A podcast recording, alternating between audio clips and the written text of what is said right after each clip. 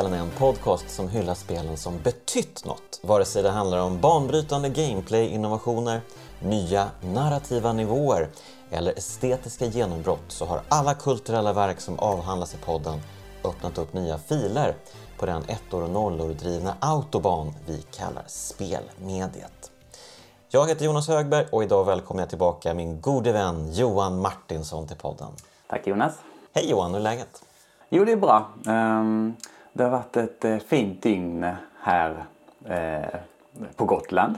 Ja, precis. Ehm, Du och jag är ju på besök här hos Carl Johan Johansson. Jag och CJ spelade ju in ett avsnitt om Grim Fandango som ni kan scrolla tillbaka tiden på och eh, lyssna i podden om ni känner för det. Men idag ska vi prata om något helt annat. Något helt annat. Ehm, och ja, det är ett spel som en eh, samlad kritikerkår i alla fall eh, anser vara liksom the epitome of games, eh, ICO.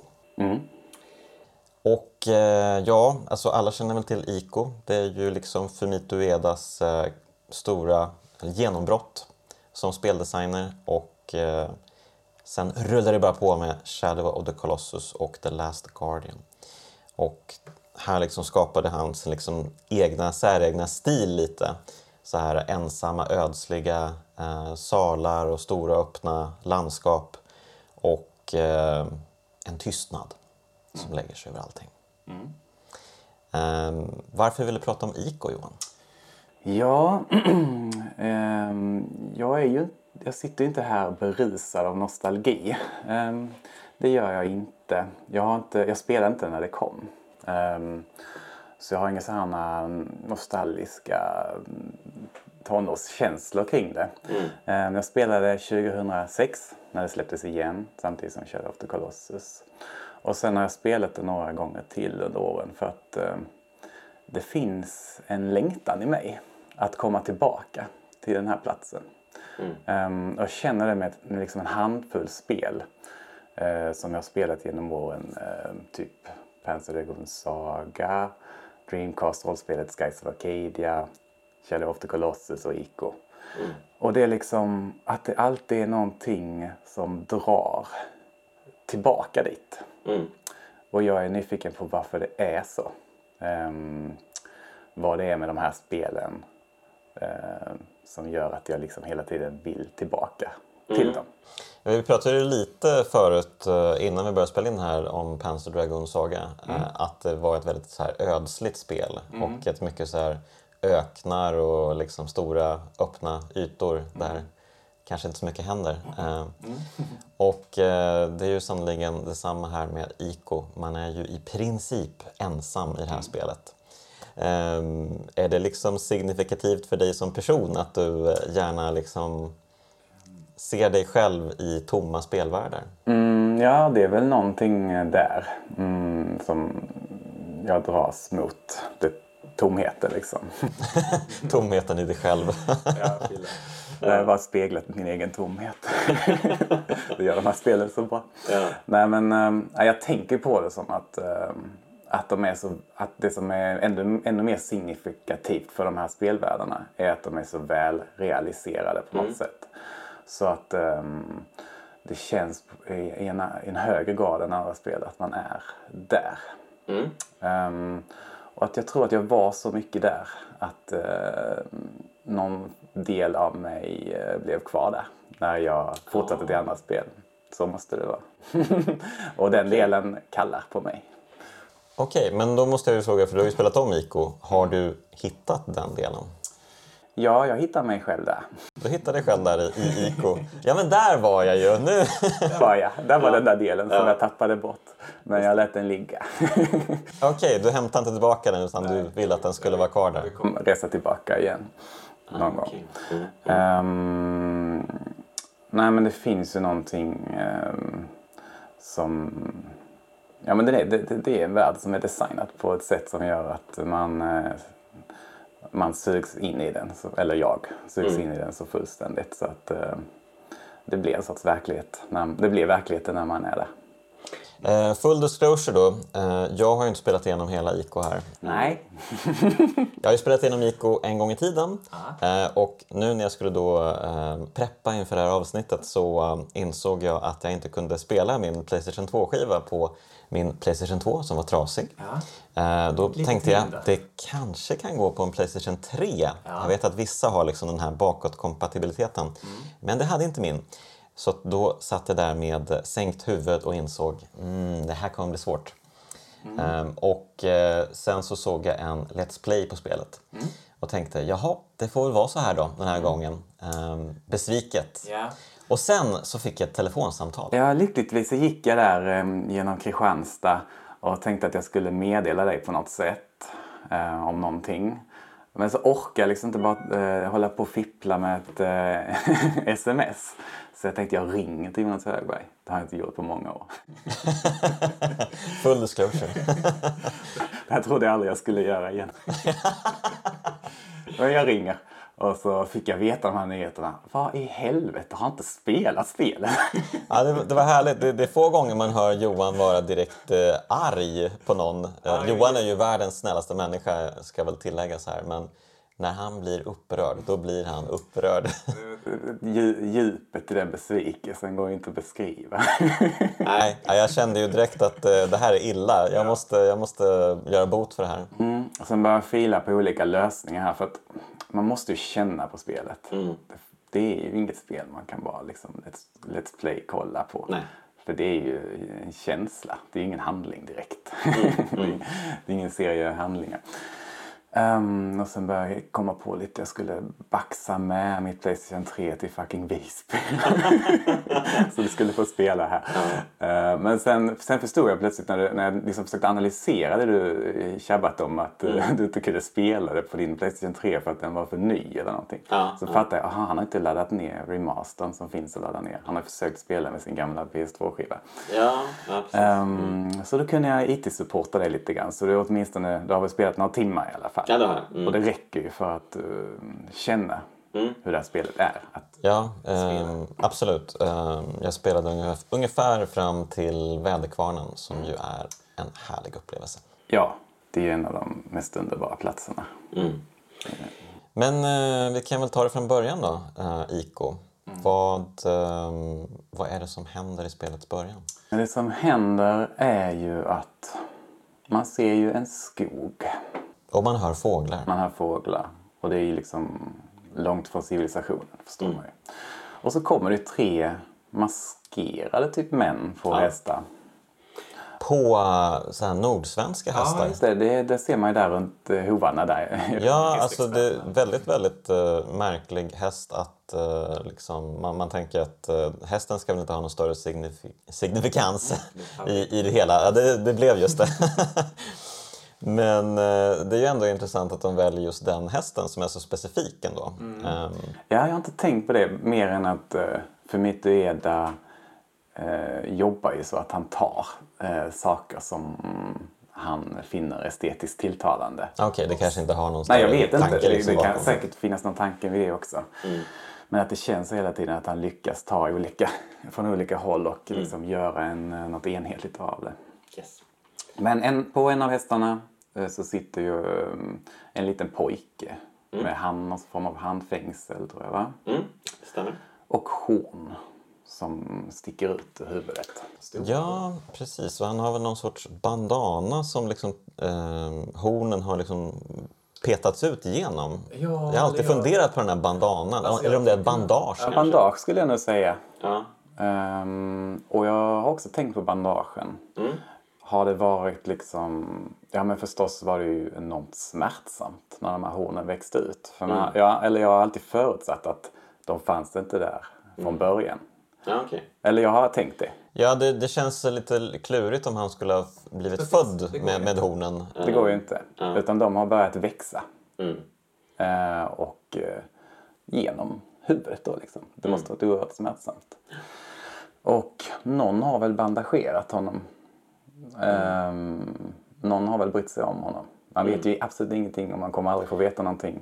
Men det, ehm, det går ju att tänka sig saker kring det. Ehm, om man har haft han måste ju ha haft föräldrar. Helt. Ja, vi hoppas det i alla fall. Annars är det ju ännu sorgligare. Ja, precis. Men de, på, de kommer fram till um, en kustlinje. Och där ute i havet så ligger ett uh, ofantligt slott på, byggt på flera liksom, klippöar som sticker upp ur havet. Jättevackert. Eh, ja, eh, liksom insvept i någon slags sol eller någon slags dis. Mm. Och sen tar de sig över eh, den här, nerför klippan över till slottet i någon slags eka. Eh, och så in under slottet i en slags grotta. Och sen genom salar eh, fram till en jättestor stensal. Där liksom längs väggarna finns rader av eh, ja, sarkofager av sten, kanske man kan kalla dem. Och sen eh, placerar de den här pojken i en av de här sarkofagerna och liksom spänner fast honom med händerna. Så han kan inte ens, till och med händerna är fastspända i den här stenkistan. Och så säger de, det är för byns bästa. Och sen går de därifrån. Och han sitter fast där, eh, levande, eh, i den här hemska, hemska salen liksom. Det är ju kanske värt att säga att de pratar ett språk som inte existerar. Det är ju ett påhittat språk eh, som lite lätt låter japanskt men inte är japanska. Det. Ja, det är också något som påminner om Panzer Dragonvärlden. Det gjorde de ju där. Så man ser ju bara en stor liksom, subtitle på det här. Liksom. Det är för byns bästa. Ja, precis. Ehm, mm, så lämnar de honom där. Ganska ohyggligt. Det drabbade mig hårdare nu än någonsin. Kanske för att jag har barn nu. det hade jag inte förra gången jag spelade. Ehm, ja, vad hände sen? Ja, sen kan man ju, alltså det finns ju tusentals teorier kring det här spelet. Och en teori är väl att det tar slut för pojken här. Ja, ja. Mm. Men eh, om man vill vara lite mer, eh, ja, ha lite mer hopp kring den här handlingen så eh, faller ju den här sarkofagen eh, till marken. Eh, det, det, det är en liten stöttepelare här som liksom vittrar sönder när de stänger dörren. Det var jag. det som hände. För, tänkte, för det hände så snabbt liksom. Och så tänkte jag, vad var det som hände nu? Var det något skakade hela slottet? Ja, men det var någon ytterst liten, liten stöt i väggen då som gjorde att den här, det här är ett uråldrigt eh, ställe. Eh, det märker man ju tydligt. Eh, så att den här lilla, lilla stöttepelaren liksom vittrar sönder. Eh, den här eh, sarkofagen faller till marken. Pojken faller ut och eh, tappar väl medvetandet tror jag en stund. Och sen vaknar han upp på natten tror jag. Det är en stormnatt. Natt. det är ju en mellansekvens där, man har inte börjat spela än. Så att det är ju stor storm ute, det regnar jättemycket. Han vandrar runt i det här slottet och vet inte riktigt var han är någonstans. Och så vandrar han upp för en trappa och så får han syn på en bur som är tom. Men så helt plötsligt så börjar det komma någon svart sörja i botten på den här buren som droppar ner på marken nedanför. Och pojken blir ju såklart jätterädd. Det är en väldigt eh, ja, mäktig upplevelse. Eh, vinden tornar ju här. Det flyger ju, det är väl någon sorts Eh, gardiner typ som, som liksom bara vrålar ut eh, eller in genom fönstren med tanke på den otroliga vind som finns här inne. Um, och sen så dyker den här svarta sörjan upp i väggen bakom och greppar tag i honom och för honom in genom väggen. Och sen vaknar han igen. Just det, jag hade helt glömt bort hela drömsekvensen. Men... Ja, men den är ju viktig. Den, där ser man ju ganska mycket. Man kan ju liksom tolka den lite så här enligt den här jungianska teorin om eh, skuggan. Eh, om att ens egen skugga, att man ska äta den och sådär. Och nu blir man istället äten av skuggan. Vad betyder det? Mm. Just det, jag hade helt, så här, har helt missat hela här nyckeln säkert. Nej, det vet jag inte. Det var, det var bara någon eh, strötanke som kom till mig. Mm. Ja, men det låter ju verkligen värt att rota mer i den. Ja. Men sen vaknar man ju upp till själva spelet då. Alltså Ja. själva spelandet. Och då är det ju eh, solig eh, dag. Och, eh, Det finns också en intressant frånvaro här. Eh, och det är spelutvecklarens röst som säger till en på något sätt via en, en textruta kanske. Tryck triangel för att hoppa. Ja, man är lite förvirrad så här i början. Ja, men det är ett genidrag ju. Alltså det är att bara våga. Det går ju emot ja, men man måste ju förstå, all, alla knapptryckningar måste man ju förstå själv. Man måste, alla handlingar som man kan göra måste man ju fatta själv hur man gör dem. Och det kan ju tyckas vara en liten grej. Men det, det går ju emot alla speldesignprinciper förstås. Spelaren måste ju få veta hur man spelar. det är ju så. Men um, om man inte om man, om man inte lägger in det så slipper man ju känslan av att um, det här är gjort av någon som säger till en någonting så här. Uh, den här världen är gjord av någon som säger till en hur man ska ta sig i den. Mm. Utan, um, och det som förstärks då är ju känslan av att det är en riktig värld. Mm. Um, så man um, springer runt där i den här salen och fattar, ah, okej, okay, man hoppar med triangeln. Mm. uh, alldeles själv fattar man det. Mm. Wow, okej. Okay. Um, och sen uh, kommer man till en annan sal och, och, och, så till slut är det här tornet som man har sett i den här drömsekvensen. Mm.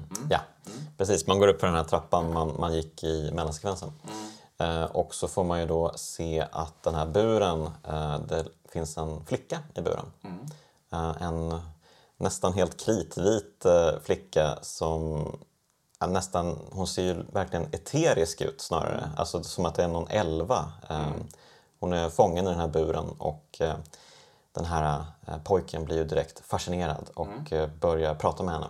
Mm. Men, men hon säger väl ingenting tillbaka eller, eller säger hon någonting? Men hon säger ju någonting på ett språk som man inte förstår i så fall. Jag tror nästan inte hon säger någonting. Ja, det kanske hon gör. Eller om det är senare som hon mm. yttrar sig för första gången på det här språket som man inte förstår. Precis, för han lyckas ju, det är ett litet pussel här då som gör att han till slut lyckas sänka ner buren nästan hela vägen ner till marken. Mm. Och sen så kan han hoppa upp på buren så att buren lossnar från kedjan som håller den. Mm. Så att buren faller till marken, eh, den öppnas och Jorda, som hon då heter enligt eh, spelets manual, mm, antar jag. Ja, det. det. får man ju aldrig veta. Eller jo, det kanske man får. Kanske det finns en karaktär som dyker upp senare i spelet som kanske berättar vad hon heter. Kanske hon gör det, ja. Jag är lite osäker. Mörk, jag tänker på henne som en slags mörk drottning. Ja, precis. men det är kanske någon, mm. någon annan tolkning. Eh, nej, men det är väl lite åt det hållet jag tänker också. Mm. Men, men här och nu så Iko och Jorda Absolut. möter varandra. Mm. Mm. Och, um... och vad känner man då? Ja, alltså... Um, man kan väl känna eller ja, det som händer ganska snabbt är ju att, eh, eller direkt är att de här skuggfigurerna dyker upp. Mm. Um, som är, är väldigt så här coolt. De är coolt designade. Jag tycker de håller estetiskt håller de väldigt bra än idag fast det är ett 20 år gammalt spel. Mm. Just det att de är eh, så här, ehm, som, rö, som rök, svart rök med mm. någon mm. slags mm. ändå gestalt. Eh, jo, de har en väldigt ryckig animation. Ja, det är något väldigt obehagligt med dem ja. faktiskt. Och så, ja, de dyker upp och drar ner Yoda i marken, ett slags skugghål. Mm. Liksom. Mm. Och så, så springer man fram till där, hon sträcker väl ut handen typ. Mm. Och så springer man fram och där har man väl också fatt, lyckas man väl fatta själv att det är ett man ska Ja, första gången fattade inte jag det, för jag, jag, hittade inte den eh, knappen. Eh, och, eh, hon dog ju då. Eller jag dör ju då, hon försvinner ner i hålet och sen så ja. blir man ju typ förstenad eller någonting. Mm, och sen det. blir det en liten game over-prompt och så får man börja om från en checkpoint. Mm. Man har inte jättelång tid på sig att räkna ut det där. Nej, jag, jag stod där och bara vilken knapp är det? Jag vet att det är någon av knapparna. och så lyckades jag inte hitta R1 som är rätt knapp då. Mm. Ja. Mm. Men om man lyckas med det så tar man ju tag i hennes hand och mm. drar upp henne ur det här hålet. Mm. Och sen kan man ju, um, man behöver ju inte släppa ärret utan man kan ju stå där och hålla, hålla handen. Medan alla skuggfigurerna kastar Men försvinner inte de direkt? Typ? Eller slår man dem också? Jag tror man ska slå dem för man hittar ju en eh, träpinne på mm, golvet som man använder för att freda sig och med ja, det tar ju ganska många slag men till slut så förvandlas de ju till rök och försvinner. Mm, just det. Men när man har avverkat dem? Ja, då kan man bara stå där och hålla handen, absolut. Ja, men då är det ju liksom, ja men just det här med att de håller handen då.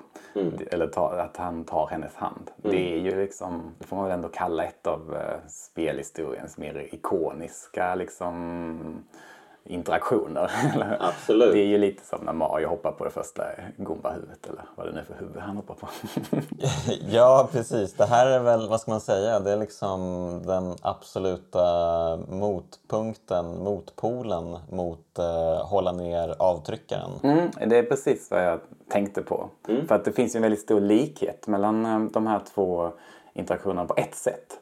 Och det är så att hålla ner avtryckaren, där finns det ju eh, en väldigt så här, eh, en direkt koppling mellan det man gör med handkontrollen, man trycker ner en avtryckare, Ja. och det som man gör i spelet, man trycker ner en avtryckare. Ja.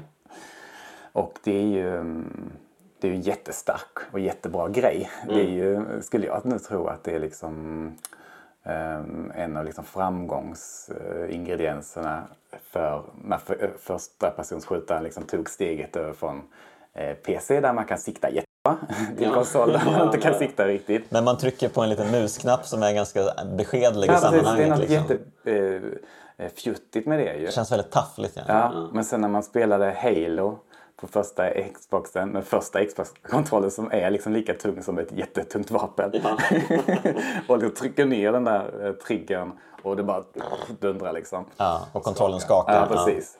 Det är så mäktig upplevelse som... ehm, taktil upplevelse. Mm, precis. Som liksom eh, om inte gör här ledsamheten man kan göra att man knappt kan sikta så särskilt bra. och eh, det är exakt samma sak eh, på ett sätt med handhållandet. För där är det också att man ehm, håller en knapp nedtryckt för att hålla en hand. Och för att släppa handen så släpper man knappen liksom. Det är ett genidrag. Det är ett genidrag. Det är fantastiskt. Och, det som är, och då så finns det en skillnad också. Ehm, och det är att eh, skjuta. Då, det är ju en handling som säger dö, försvinn, bort till den man interagerar med. Medan handhållandet är precis tvärtom. Kom, var med mig, var nära. Finns det, finns det någon signifikans, än en, än en gång ordet, ehm, att eh, man använder R2 för att trycka avtryckaren och R1 för att hålla handen?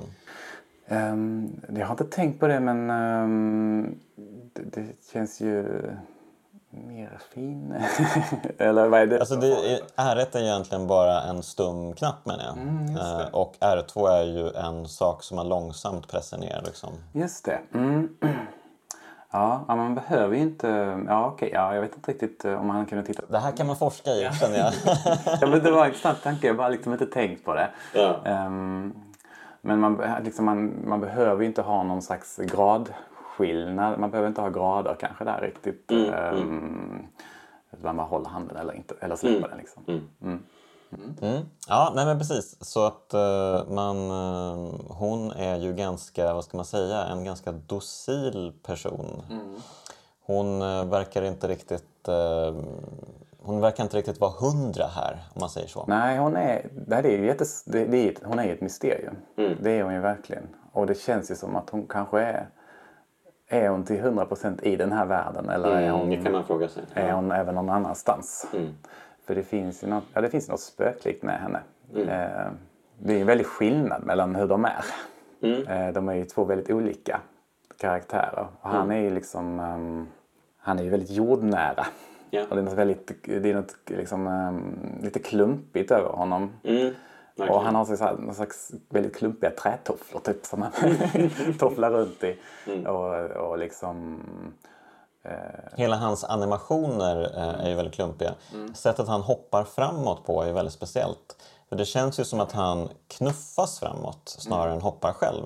Det är därför jag har funderat på om det finns någon sorts så här, um, um, dockteater, alltså så att han blir kontrollerad liksom, av en osynlig kraft snarare. Av spelaren då såklart. Men eh, han kanske också är kontrollerad av en kraft i den här världen. Han kanske är kontrollerad av Jorda. Vem vet? Ja, det är en intressant tanke. Jag har tänkt så här att det finns ju något väldigt um, bristfälligt i, i hur han rör sig. och det har ju någonting med som Ueda jobbade vidare med i Shadow of the Colossus. Animationsarbetet där är ju att ja, hjälten där han liksom snavar. Han kan ju snava liksom när han Ja, bara springer fram. Och det är liksom så här med att vara nära ett fall ganska ofta. Och ehm, det tycker jag också är en gen- genialisk detalj. Att, ehm, att göra de här karaktärerna mänskliga i sättet de är animerade på när de rör sig. Eftersom spel ofta liksom eh, sträcker sig mot den här, perfek- den här tomma perfektionen. Liksom. Att Ja. gu- gubbarna ska gå helt perfekt. Ja, och, ehm, och inte ha liksom, så mycket eh, känslor och oro, oro och sånt mänskligt inom sig. Men apropå, apropå oroskänslor och sånt, det uppvisar ju Jorda. Ehm, För ganska tidigt i spelet, man, man springer iväg med henne och löser något pussel här och sen kommer man ut på någon bro Ehm, och bron rasar, eh, man håller ju henne i handen. Det är ju, det är ju typ så hela, man liksom... Eh, om man inte håller Jorda i handen så stannar hon bara. Då kan man ropa på henne med samma knapp. Hallå, kom då! Och då kommer hon fram till en. Men eh, om man springer iväg igen så måste man ropa igen på henne. Sådär. Så man måste ju hålla henne i handen för att man ska få liksom någon progression egentligen. Eh, och då rasar ju den här bron, eh, mitten av bron samman. Så att hon faller ner, och, men han håller henne i handen så att han, åh, han fångar upp henne. Eh, och så lyckas han dra upp henne. Men sen när de kommer till nästa del, då det också är ett sånt här hopp, så hoppar ju han över först. Sen sträcker han ut handen till henne. Ja men kom då. Och då skakar hon på huvudet och säger nej jag vill inte. Nej. Och eh, då kanske som spelare kanske man inte riktigt vet, ah, var det här fel beslut av mig? Eh, är, det, är, det, är det inte så här vi ska göra, det här pusslet, att hjälpa henne över? Men om man fortsätter, jo men kom då, kom då. Då kommer hon och hoppar över. Ah, ja. Så att Fantastiskt. det, det finns liksom, det är viktigt det här tror jag, att hon först säger nej. Att eh, det skapar liksom karaktärsbyggande och det, det, ger, ehm, det ger spelaren intrycket att eh, det här faktiskt är en person som har som inte är helt säker på saker och ting, inte helt säker på dig ehm, eller på den här idén eller på det, hela liksom deras eh, resa här. Ja. Det är en genialisk detalj. Alltså att göra så mycket med så lite. Liksom. Mm. ja, verkligen. Ja, jo, precis. Hon har ju en rädd... Hon bär ju på en rädsla också. Eh, för sitt liv på något sätt. Så att det är det som gör henne att... Gör så att det känns som att hon ändå är i den här världen. Ja, och sen så kommer man ju ner till eh, the epitome of game design, knuffa lådor. Ja, det var mer populärt på den tiden. Ja, ja, man har ju puffat lite för många lådor i spel genom åren. Det märkte, kände man ju nu när man eh, eh, tog sig an spelet igen. Det var ju där, runt så här, från Tomb Raider ja, bra att du säger Tomb Raider på skånska. fram några, fem år där så var det ju nästan det enda man gjorde i spel, känns det som. Ja, men absolut. Man gjorde det ju verkligen i, i, i alla spel. Eh, det, det var ju väldigt populärt eh, även i, i 2D och i 3D. Man skulle ha lådor att knuffa på. Ja. Jag ska, bara säga, jag ska bara backa till ett steg innan hoppet. Om vi Ja, rör oss i slow absolut. motion Backa, genom, backa, genom, de första, backa. Mm. genom de första min, minuterna här. Och det är att man eh, hittar den här soff... Att när man, när man kommer ut ur tornet där eh, Ikos, eller Jorda sitter fängslad Mm. så, så eh, blir det en lång bro där. Är det ju det. Mm. Och så till vänster så står en soffa. Av något slag. En sten. Stensoffan. Ja. Mm. Som kanske lite glöder när man kommer nära den. Mm. Och då går ju eh, Jorda fram till den och liksom står liksom funderar över den. Ja. och liksom, hon, eh, om man inte gör någonting så sätter hon sig också i den och känner lite sådär. Ehm, det är också ett ganska fint sätt att utan ord eh, visa för spelaren att här eh, finns någonting. För att, att Jorda då uppmärksammar den grejen. Liksom. Mm. Jag tycker att det är fint att man, eh, eller det, det är någonting skumt här kanske, för att när man går fram till den här stensoffan, eh, högersidan, det är Jordas sida. Så går man fram till högersidan av soffan så händer ingenting. Utan då är det faktiskt så sjukt att eh, Iko håller upp händerna mot någon sorts osynlig vägg där. Som att, va? Det här, det här, helt plötsligt så blir det liksom... De har ju varit väldigt tydliga med animationerna att det här verkligen är en, en, en värld att man är inne i. Men så helt plötsligt kommer det någon osynlig vägg här som förstör allting. Jag förstod ingenting. Vad är det som pågår? Eh, och sen när man går till vänster då, ah, då sätter han sig i, i um, soffan. Och sen så kan man liksom mana Jorda att komma och sätta sig med en. Jag tyckte det var jätteintressant den här delen för det, här, det liksom upplevde jag inte någon annanstans i spelet att det blev någon sorts märklig förfrämdungseffekt där. Ja, ja just det. Ja, just det. Ja, det är väldigt viktigt att de ska sitta på rätt sida. Ehm, ja, ja, men jag tycker väldigt mycket om den här soffan ska jag säga. ja, okej. Ja, berätta om soffan Johan. Det är det jag vill komma fram till. Nej, men, ehm, ja, men att man, man sparar ju. Man sparar ju spelet i soffan. Ja. Och där, eh, ett av få i sig, så tror jag inte Ueda var så jättenöjd med hur det funkade till slut. För att ehm, det dyker upp en jättetråkig meny liksom. Ja, just Vill det. du spara här? Ja, mm, just det. Ehm, Det som kompenserar lite är ju den otroligt vackra lilla trudelutten. Mm, just det. Det är någon liten panflöjt eller vad är det för något? Jag vet inte vad det är faktiskt. Jag, jag kunde inte riktigt identifiera ehm, instrumentet. Men jag tycker den är otroligt vacker. Och jag har haft den som så här, eh, den är kanske 40, se- 40 sekunder lång loop liksom. Okej. Ehm, men jag har haft den som så här skriva musik. På Youtube finns det en film som är en timme lång. Ja, okej. Så loopar den här låten i en timme samtidigt som ehm, eh, bilden scrollar eh, från omslaget till Ico, den här vackra målningen, över ett jättelångt hav som är typ ehm, jag vet inte riktigt hur de får till det. Liksom. Det är väl en kopierad havsbit från någon annan Ueda-målning. Fram till en eh, annan målning som han gjorde i samband med Shadow of the Colossus-släppet. Som inte är lika genomarbetad men ändå ganska vacker. Liksom.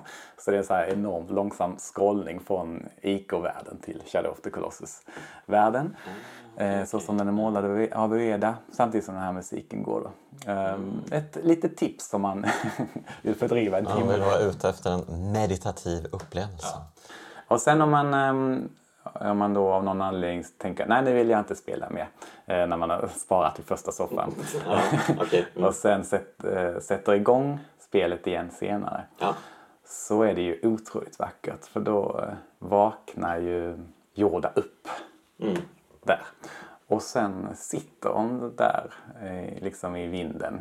ehm, medan Iko fortsätter sova tills att man rör eh, Spaken. spaken. Ah. Så det kan bli så här, jag tycker det är några av spelhistoriens vackraste ögonblick. Liksom när hon bara, jag väntar alltid för jag vill bara se. När hon bara sitter där och tittar sig omkring och Iko liksom halv sitter där, eller halv ligger där i soffan och liksom helt sårbar och bara sover. Ehm, också väldigt snyggt sätt att förstärka världen på. Att de, att de är där och att när man, när man inte spelar så sover de. De behöver ju en paus för det är ju, de gör ju ganska mycket Ja, under de sitt äventyr här. Ja, de har mycket att jobba med. Många lådor som ska knuffas. Ja, det är kämpigt. Eller i alla Iko. Yoda gör inte många knupp. Eh, Nej, hon, hon bidrar inte så mycket i det här spelet eh, förrän i slutet av spelet ska sägas. Ja. Ehm, Men eh, precis, att man, eh, man springer runt i det här eh, enorma slottet och så kommer man till slut ner till en stor borggård. Ehm, Eller finns det något innan den som du vill uppmärksamma? Menar du den som...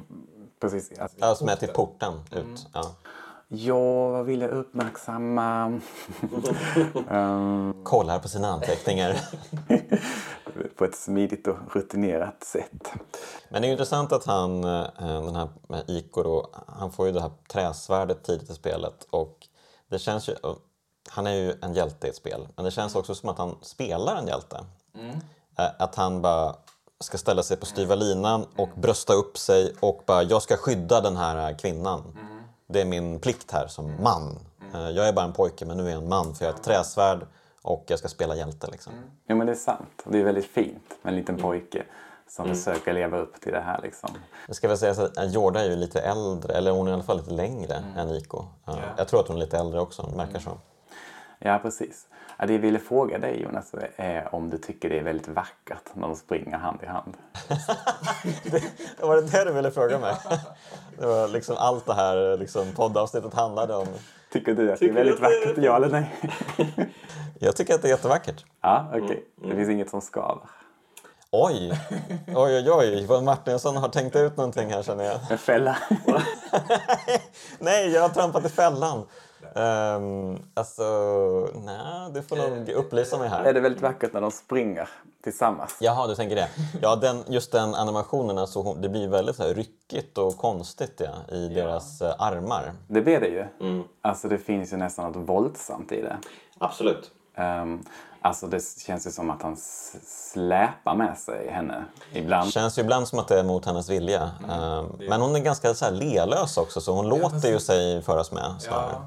Alltså det, eh, sättet hon springer på, det ser ut som hon när som helst ska falla. Mm. Det är därför jag tänker på att det är, liksom, det är någon som mastermindar allting och har det som dockor. Liksom. Ja. jag förstår. Nej, men det, det har ju säkert att göra med att det var jätte, jättekomplicerat att få till det där. Alltså att hålla händerna med varandra. Det är ganska så här dynamisk, eh, eller det krävs ju mycket det, eh, det är ganska svårt att, att gå och hålla. Ja, precis. Det är svårt att animera en arm på det sättet. Liksom. Precis, för de rör ju sig, liksom, avståndet mellan dem liksom, eh, varierar lite grann och höjdskillnader och, och farten de har. Liksom. Så det var ju så, säkert nästan omöjligt. Och så blev det så här då. eh, att ehm, det smyger in sig någonting skevt i det här vackra hand i hand hållandet och springandet. Ja, men det som att de svårigheterna med att fixa en jätteunderbar, perfekt eh, lösning på hur det ser ut när de håller händerna. Det, det, gör ju, det får ju effekten att det smyger sig in en ambivalens i deras förhållande. Som liksom skulle kunna blivit kanske lite för sött. Helt enkelt. Ja, just det. Det smyger sig in en skevhet där. Ett litet, litet, en skärva av mörker. Mm, ja, precis. Ehm, och liksom det är det jag... Alltså jag tycker det är liksom... eh, Det är oftast det är liksom kännetecknande för ett mästerverk. Att även bristerna börjar liksom jobba för dess, i dess, till dess fördel. Men är det en brist då? Ja, Är det, har de tydligt sagt att nej. nej men det här var ju Papphammar av oss, animationerna blev ju som de blev? Nej, liksom. nej, nej, det är bara en teori från min sida. Att Mm. säkert eh, tanken var att det skulle se... Eh, nej, det kanske inte var tanken. Men, Ja, nej, men men om det är en brist. Mm. så funkar det till dess fördel. För att, eh, ehm, ja, men det blir ju någon slags...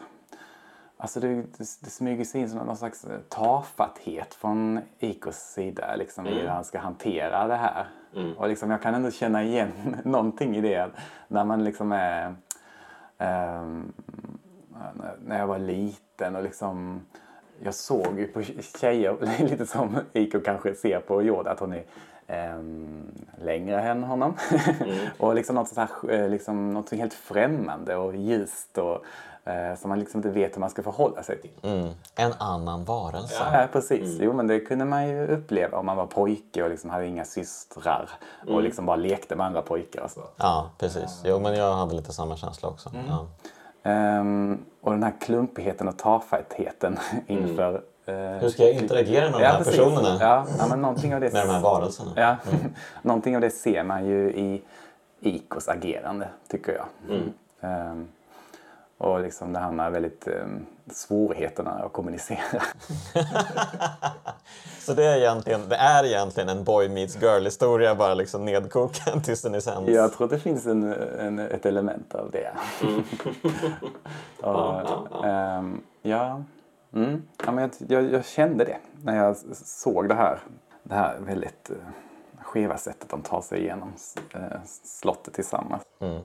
Jag vet att jag pratade om att vi ska komma till den här borggården, men innan den så, så finns det ju liksom så här fina eh, rostiga lyftkranar som man vrider på.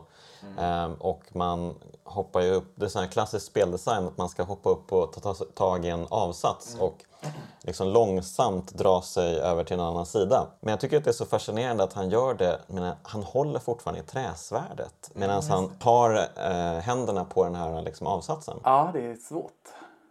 Det är också en detalj som att jag tänker han är kontrollerad. Ja, du jobbar hårt för den teorin Jag som hårt för den här absolut inte kommer ge dig något. Eh, nej, nej, nej. Men, eh, men det är ändå liksom, eh, han skulle kunna lagt den kanske på ryggen, alltså i fickan så att den, den håller så istället. Men istället väljer han alltså att hålla kvar i träsvärdet medan han går på den här avsatsen och gör det jättesvårt för sig själv. Ja, det är sant. Men eh, ja, han är ju kontrollerad av spelaren. Men ehm, Mm, ja, ja. eh, vem skulle kontrollera honom, tänker du?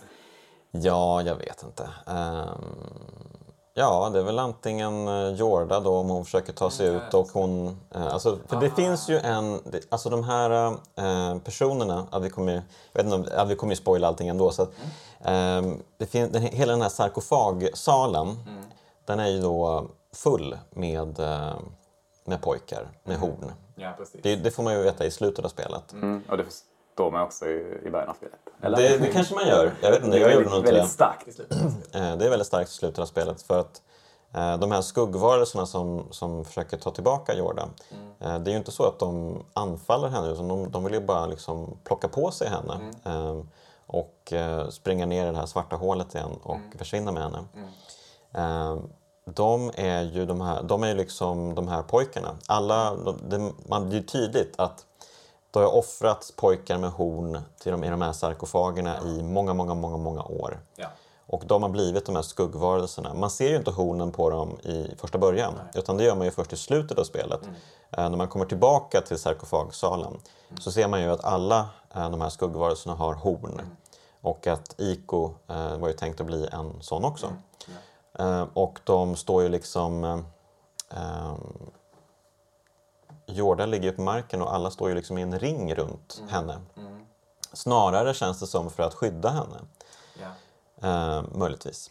Så att, jag vet inte, det finns kanske någon liten tanke om att de kanske hör hemma med henne och att ja, hon kanske på något sätt kanske har kontroll över dem. Ja, och sen finns det ju en ond drottning i det hela också som kanske snarare då i liksom den mer tydliga läsningen av spelet Ja. har kontroll över skuggvarelserna och försöker hämta tillbaka Ja. Jorda. Jo. Så har jag alltid tänkt. eh, Men ja, intressant det du säger. Mm, ja, men... eh, Ja, nej, det var en kanske lätt klumpig teori det här. Men, men eh, vem vet, det kanske finns något här. Ja, absolut. Det tror jag det kan göra. Nåja, eh, det är i alla fall ja, lite halvklumpiga pussel i det här spelet. Eh, De är ju inte det bästa med spelet direkt. Eh, Och jag blev direkt eh, uppretad på ett pussel. När man ska föra, man hittar ju liksom bomber på marken. Och de här bomberna ska man ju använda för att spränga någonting. Men man, bomberna finns i ett spelområde. Och saken man ska spränga finns i ett annat spelområde. Vilket betyder att man ska plocka på sig en bomb och gå mellan spelområdena. Alltså det blir en liten snabb laddningsskärm. Att man går igenom en port och så blir det svart och så kommer man in i det här andra spelområdet. Ehm, och eh, det här är ju liksom eh, antitesen mot eh, god speldesign enligt Shigeru Miyamoto och dylika. Eh, om man hittar en sak som man ska använda på någonting, då ska man använda det inom samma spelområde. Och inte hålla på att föra det liksom långa sträckor. Det är mer som ett så här gammalt pusselspel där man måste föra objekt genom Ja, så enorma att, eh, jag, områden. tyck, jag blev lite irriterad på den, eh, den klumpigheten. ehm, den otydligheten som gör att man, jag i alla fall, gick runt med den där bomben ganska länge i det här området och bara jaha, okej, vad är det jag ska göra här egentligen? Jag fattar ingenting. Nej, precis. Nej, men på just sådana här, eh, ja, men de här pusselbitarna, det som man liksom gör i spelet för att ta sig genom miljön. Som, miljön är ju grejen, men pusselgrejerna, är, min- sakerna är ju liksom det man gör. Det märks ju där att det är ett orutinerat team och det är någonting lite um, taffligt över rätt många av de här grejerna. Även, fast på sam, samma gång så är det liksom, det är aldrig något som för mig stör så mycket. När jag tänker på spelet så tänker jag nästan inte alls på eh, det man liksom gör för att komma igenom det. Det gör inte jag heller såklart. Ehm, Det är klart man tänker på upplevelsen spelet ger en. Men när, man, när jag ändå spelar spelet så blir det ganska tydligt att det finns irritationsmoment som eh, bara... Jo, jag håller med. Okej, det finns en vaghet. Och fast att jag har spelat det ja, kanske åtminstone två och en halv gång innan så, hade, så körde jag faktiskt fast några gånger. Och, eh, för att jag liksom inte bara, alltså inte, inte stenhårt, jag fastnade inte i dyngan stenhårt men ehm, det var ändå så här, vad ska jag göra? Jag fattar inte vad jag ska göra. Och sen är ju själva den här liksom, stridsmekaniken är ju ganska mm, dålig också. Eh, Man svingar svärdet, eh, de tar ett par träffar och de har ju också en irriterande ovanan att flyga över en, eh, de här skuggvarelserna och f- hela tiden undvika en. Det är ju kanske ett led i att de själva inte riktigt vill anfalla. Alltså, det är ju något som kanske inte blir tydligt i början men som när man spelat igenom hela spelet så märker man att de är inte så här jättefokuserade på att anfalla Iko. Utan de är ju bara fokuserade på att plocka Jorda och ta med henne. Och struntar ju i Iko egentligen. Så han måste ju försöka då eh, anfalla dem och de undviker honom jättemycket. Och, vilket gör att striderna blir ganska långa och eh, ja, men lite irriterande. Jo. Ja, ja, men det är också så här grejer som, ja det här är ju inte bra. det är bara något som är acceptabelt. Ehm, Och som liksom inte gör så jättemycket. Men det, är också, det finns ju någonting väldigt pojkaktigt i, i striderna som är fint, i, som går fint med Ikos karaktär. Att man har en pinne just liksom. Ja, fast sen Johan så händer det saker. tänkte... Jag tänkte innan, det är, man får, det är inget spel där man får så här weapon upgrades. Eh, Men Det, var, det tänkte jag också. Och sen spelade jag spelet. så får man ett jättefett svärd. Och, Inte bara ett, nej, massa svärd. massa svärd där i spelet. Och när jag spelade mm, på Playstation 3 då, så när jag tog svärdet så dök det upp så här i ena hörnet Trophy. Åh, och så, nej. så, så, så här Ready and armed. Åh, det är ju inte för Mito Ueda som har skrivit Nej, det det där. tänkte jag också. Det där var inte för Mito. Det var någon amerikansk tjomme som... Vad ska du skriva här? Han fick en nytt svärd. Ja, ready and armed. Graver armed and ready. Usch, usch, usch. Eh, ja, mm, det fin- jag vet, precis. Man spelar kanske hellre det här spelet på Playstation 2 då. Ja, jo precis. Mm, ja, så att eh, visst, ja, striderna där ja. Ehm, jag har en fråga till till dig Jonas. Han är full av frågor denna Johan Martinsson. Vad är det Är nu? slottet en god eller ond plats? Oj, oj, oj. Eh, jag är helt oförberedd på de här frågorna känner jag. Ehm, man vill ju bara för sakens skull säga att det är en god plats nu då. Ehm, för det bor ju helt uppenbart en ond häxdrottning Ja, i slottet. jo. Det offras eh, barn eh, i slottet. Jo. Men man är ju också lite nyfiken på allt det här andra som finns i slottet.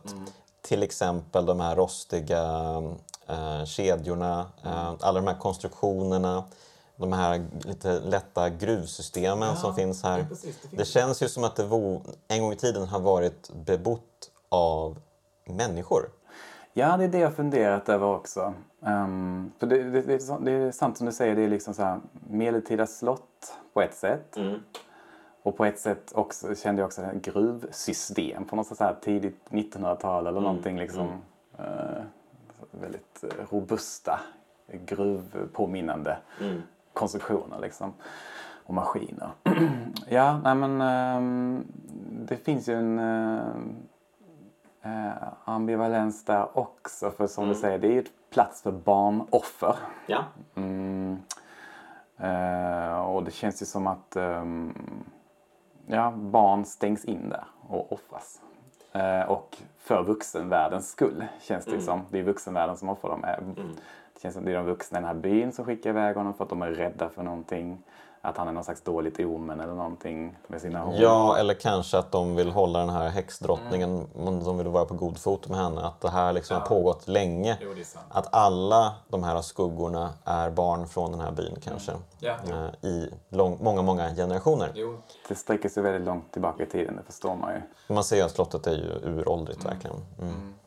Och, eh, och det avslöjas ju också i slutet, om jag får bara spoila det, Ja, bara kör, randomly, kör, kör. att hon, den här drottningen, alltså hon kommer väl, eh, hennes mål är ju att offra Jordas.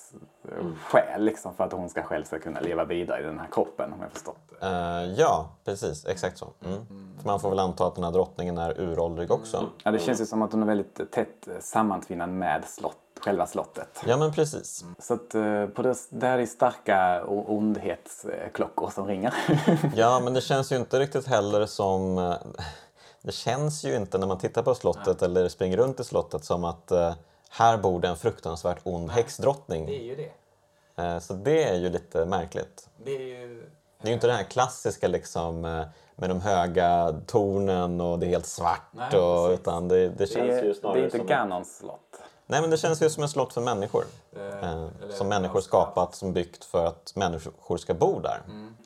Ja, precis. Alltså, jag längtar tillbaka till slottet för jag tycker det är en underbart vacker plats. Ja. Ehm, alltså det finns ju platser eh, i det här slottet som jag alltid längtar tillbaka till. Det är så här Vindmöllan, det stället där. Nej, vad heter det? Väderkvarnen. Väderkvarnen. Jaha, det är en vindmölla. Okej. ja, ja, okej. Mm. Den platsen och även en del av de här innergårdarna där, eh, som är omslutna av eh, jättehöga murar och så är det väldigt grönt och de här träden. Mossan liksom tränger upp genom mur. Alltså det är så ljuvliga platser liksom som man bara vill stanna i. Ehm, så att... ehm, och det finns ju liksom någon slags s- stor stillhet där. Mm. Ja, verkligen. Ehm, men det du sa, det, det är ju... Känner du att det har bott, har det levts liv? Ja, det går ju lite fram och tillbaka det här, men, men eh, man skulle väl kunna teoretisera att det har varit ett, ett eh, slott för människor och att sen en häxdrottning har tagit över slottet Jo, det, kunde man, det kan man ju göra. och startat det här liksom kultgrejen. Nej, det är sant. För jag har liksom inte förstått riktigt hur jag ska tänka kring det. För på ett sätt så känns det ju så att det, här har någon slags aktivitet pågått. Liksom. Här har liv eh, bedrivits eller liv har levts här. Men samtidigt så är det... mm, Alltså det finns ju, det finns ju i det här promotionmaterialet i IK så, så finns det en skiss som Eda har gjort också. Som är liksom en um, tydlig eh, parafras på eh, Dödens ö av eh, den här symbolistmålaren Bö- Böcklin. Okej. Ehm, som är liksom en av de så här, symbolismrörelsens liksom mest kända målningar. Det är ju, det är ju liksom eh, på den så ser man typ en eka som driver in mot en ö. I ekan är kanske någon slags kista. En, väldigt, en vit, helt vitklädd människa står på båten. Och ön är liksom någon slags eh, klippö med jättehöga cypresser liksom. Som en, eh, ja, men en dödens plats liksom. Men det, men det finns också liksom dörrar och sånt.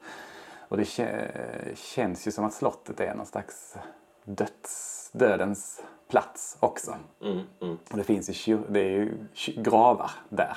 mm. Ehm, eh, så på ett sätt påminner det liksom om någon slags mausoleum. En sån byggnad där, för de döda Ja. på något sätt. Det går inte riktigt ihop med den levande aktiviteten då på något sätt. Det känns, det känns som på ett, ett ställe för som inte är tänkt att levas i. På viss, ibland känner jag. Så det är liksom en dubbelhet där. Men eh, om vi går tillbaka till den här borggården då. Eh, de kommer ju ut till slut till den. Ehm, och eh, en stor öppen yta och så är det liksom en jätteport som står öppen för dem.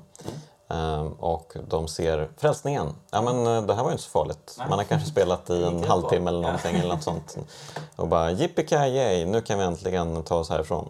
Ehm, de springer mot eh, den här öppna porten som då börjar stängas. Enorma stenportar som verkligen Eh, ja, det krävs ju en enorm energi för att få de här portarna att stängas. Eh, och lite oklart hur det går till. Eh, men de springer mot porten. Eh, det är väl är det Jorda eller Iko som snavar här? Jag vet inte riktigt. Jag kommer inte heller ihåg. Men någon snavar. Och då dyker också den här onda drottningen upp för första gången. Och hon är ju ändå en ganska speciell karaktär. Hon, är liksom helt, hon ser ut att vara en skuggvarelse men med ett mänskligt ansikte. Ja, ett väldigt, väldigt vitt obehagligt ansikte. Ja, om man tittar bara på ansiktet så ser man ju tydligt ett släktskap med Jorda. Jo. Ehm, och sen är hon bara den här liksom ruffiga svarta saken. Liksom. Ja, är någon slags väldigt elektrisk närvaro. Ehm, svart. Ett svart. elektriskt mörker. Ja, precis. Ett elektriskt mörker. Det är en väldigt, väldigt kraftfull presence har hon ju verkligen. Liksom. Är Väldigt obehaglig. Ehm, Och man kan ju undra om hon alltid varit så eller om hon med tiden börjar liksom ätas upp av det här mörkret och att det nu bara är ansiktet kvar innan hon slutligen blir det här och att det är därför hon vill föra över sig till eh, Jorda. Mm. Det är väl en rimlig tolkning. Ja. Ehm, ja, hon, och hon liksom... eh, hon gör ju verkligen en poäng av att Jorda och Iko är från olika världar. Mm. Och att hon har någon slags nedsättande ton mot honom också. Alltså, En pojke med horn liksom. Hur kan du ens tro att, ni, att du ska liksom få ta henne i handen och springa ut ur det här slottet? Det är de lägsta lägsta liksom. Ja. Och man, jag, tyck, jag tyckte mig se liksom så här lite, någon slags skam i Ikos ansikte. Ja, jo, men jag antar att han, det kanske har varit så hela hans uppväxt att han är medveten om att han är typ spetälsk i, i sitt eh, samhälle. Mm, precis. Mm. Ehm, vad, vad händer? De, de stänger ju porten. Ja, men porten stängs ju och eh, Iko lyckas väl... Det, alltså det dyker upp massa skuggvarelser tror jag. Drottningen orkar inte ta tag i det här själv. Typ. Nej, hon har väldigt hands-off approach på. Eh, väldigt hands-off approach. Jag antar att hon inte riktigt kan ingripa själv på det här sättet. Eh, möjligtvis. Så det kommer en massa skuggvarelser, man besegrar dem och sen eh, så inser man ja men vi måste ju få upp de här portarna igen. Eh, och då ska man bege sig in i två olika delar av slottet, en för varsin port. Eh, och lyckas ta sig fram till en mekanism som använder solpaneler och allt möjligt sånt. Eh, sjuka grejer. Eh, för att eh, sätta igång den här mekanismen och öppna portarna. Ehm, Så då blir det ju mer plattformande, man springer runt och, skuttar och har sig och håller eh, Jorda i handen.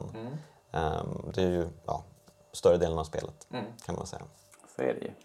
Och ja, som sagt, eh, de här liksom rent spelmekaniska inslagen är ju inte kanon kanske.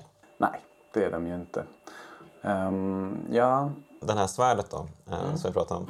Det är ju liksom fast i en dörr. Också märkligt, vad var det som hände där? nej precis. Ehm, alltså det är ju inte så att man har stuckit in eh, svärdet i en dörr utan en dörr som har slagit igen på svärdet. Ja, det är väldigt svårt att föreställa sig vad som kan ha hänt där. Liksom. Mm, ja, precis. Ja, väldigt suggestiv tanke där. Eh, så när man väl får upp dörren så kan man plocka upp svärdet och så. Och sen finns det ju andra märkliga svärd i det här spelet. Och jag är lite osäker på om fanns de från första början eller kom de i den här remastern? För det finns ju, man kan ju hitta en stor spikklubba. Ja, alltså det, det förstod jag ju ehm, en, när jag liksom kollar runt lite. Att man kan hitta ett bättre vapen. ja, det är frågan om det var något som lades till. Eh, va, va, jag hittar inte det. Ja, men grejen är man kan hitta en spikklubba som är mycket, mycket bättre och man blir jätteglad för det tar ju sån himla tid att bulta på de här svarta mörkervarelserna så man bara äntligen level up på speldesignen. Eh, den, den redan bristfälliga speldesignen blev lite skönare. Eh, Så att spikklubban är bra och om man har varvat spelet och spelar en andra genomspelning så förvandlas spikklubban till ett, eh, ja, men ett lasersvärd. Det, det är ett svärd av eh, typ el, alltså det är lite som motsvarigheten till eh, drottningens elektriska mörker fast det är ett elektriskt ljus. Då. Ehm, och det, alltså det här är ju riktigt skumt. Eh, det är ganska kort det här svärdet. Eh, det är kanske, vad ska man säga, en halv meter, kanske ännu mindre. När Iko står still. Men när han håller Jorda i handen, då växer svärdet och blir jättestort. Okej. Och vad, vad, vad, vad, hittar vi för, vad hittar vi för signifikans i det, Jag vill Johan? inte gå in på det. Är Fumito Ueda en snuskgubbe? Ja, okej. Ja, det är sådana skumma saker som bara... Det, det går inte i linje med någonting Nej. av det andra. Nej. Så man undrar ju, är det någon... eh, Var det han armed and ready-killen som fick liksom... Ja, kan vi inte, kan vi inte lägga in ett lasersvärd? Åh gud, ja det är så himla bisarrt. Uh, jättekonstigt. Ja, okej. Ja, jättemärkligt. Jag blev förvånad bara av det här spikklubbe-grejen. För att... ehm, alltså, det är ju inte ett spel där man kan hitta någonting. Ehm, det är ju ett eh, icke-kapitalistiskt spel. Det, Ja, det är inte ett Ubisoft-spel om man säger så. Där man kan hitta massa saker överallt hela tiden. Ingenting handlar ju om att ansamla ett kapital och sen Nej. använda, använda det kapitalet. Eh, och det är sån lättnad för mig när jag börjar spela. För att alltså det är så lätt att lägga, för en speldesigner att lägga in det där. Okej, man kan hitta grejer och så är det en belöning och så spe, blir spelaren glad. Och sen kan de, de använda den grejen som de hittat för att kanske besegra en jättetuff fiende och då får de något ännu bättre och då kan de använda det för slå en annan fiende som är ännu starkare. Så någon slags meningslös eh, loop liksom av eh, belöningar som inte leder någon vart. Det är så lätt att lägga in det där.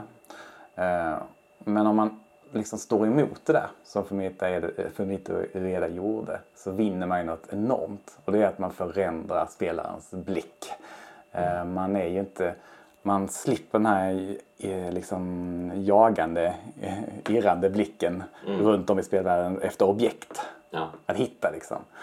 Ehm, och då fast, för mig fastnar blicken på andra saker, på världen i stort liksom.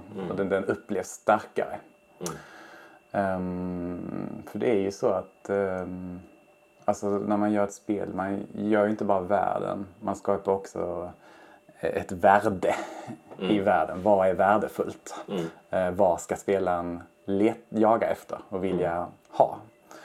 Ehm, och när han liksom gjorde så att det finns inga värdefulla objekt att hitta så säger han ju till spelaren att det finns något annat som är värdefullt här. Se dig omkring. Liksom. Vad är det som finns av värde här? Ehm, Och samtidigt finns det ett lasersvärd som växer. Ja precis, det är det som bara du kastade in här som bara paj, som bara gick rakt in i mitt, mitt argument och bara raserade allting. Ja, jag får ju bara hoppas att, han, att den bara för mitt och han bara, ja, okej då, släng in ett lasersvärd det är så jävla viktigt. Men det var kanske han, ja. Det kanske var jätteviktigt, vem vet. Ehm, ja, eh, han, uh, han ropar ju på, på Jorda. Ehm, och då ropar han ju Ompa. Eh, vad tror du det betyder? Ja, det är frågan. Jag gillar ju själva ljudbilden väldigt mycket. Mm. Den, och så är det så roligt när han är långt borta bara. "Ah!" det är två helt olika ljud. Ehm, nej, ja, kom. Mm. Kom. Mm. Vad tror du? Eh, ja, men eh, han vet väl inte vad hon heter. Han kanske bara döpt henne. Ja, ja, ja, precis. Ompa! Jo, jo, det är ett fint namn. Det passar ju rätt bra ändå, Mm. tycker jag. Ja, nej, men eh, man fortsätter genom slottet och man, man eh, lyckas låsa upp de här konstruktionerna. Ehm, och eh, till slut då så öppnar man porten. Och eh, man springer ut. När man öppnar porten så öppnas även, eller det liksom finns, de här, den här slottet är ju avskuret från fastlandet. Men det finns då en bro, en del på fastlandet och en del på slottet som eh, förs ihop från varsin del så att det bildar en bro. Då. Ehm, och eh, det är en ganska lång bit då, som de springer ut på ehm, för att ta sig iväg från slottet. Men, men Jorda, det börjar bli svårt för henne. Hon, det kanske finns något i det här sen, det här med att drottningen senare påstår att eh, Jorda aldrig kan lämna slottet. För att det, det börjar kännas väldigt tungt för henne här. Ja, hon, men hon har också använt eh, sin energi Mm, det är eh. Där vid de där portarna för Just att eh, the final pu- push liksom för att eh, få upp dem. Men eh, ja, det är någonting som drar i slottet liksom. Ja, det är väldigt så här när, det är ganska stark språngmarsch där för att man vill ju bara över och man drar med sig henne och hon snavar hela tiden. Och, eh, ja, Och så till slut så uppenbarar sig drottningen. mm, just det. Och eh, den här bron börjar ju eh, separeras igen. Ja, men det är väl så att Iko kommer över. Precis, Iko kommer över på andra sidan bron, Jorda är kvar på den andra sidan med drottningen bakom sig. Och de här separeras ju och eh, Iko han gör, ju, han gör ju det här liksom, Ja. uppoffringen nu för att han, han ska verkligen rädda henne. Ja. Han ska verkligen vara hjälten.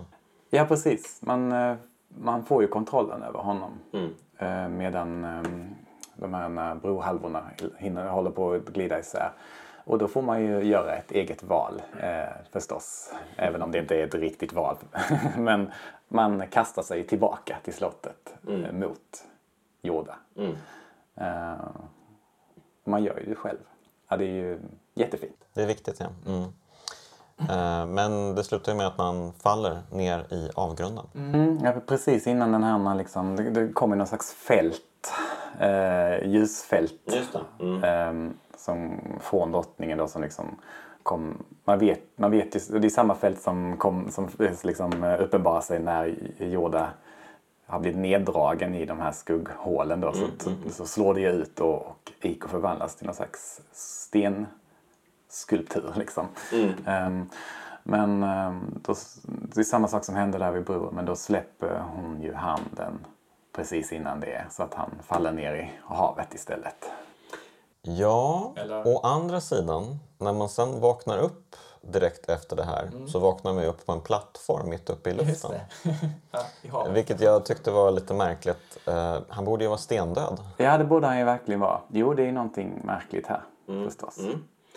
Eh, om det nu är så att Jorda kanske har dämpat fallet med honom med magi eller om mm, finns det här egentligen? Är det verkligt allt det här? Frågan.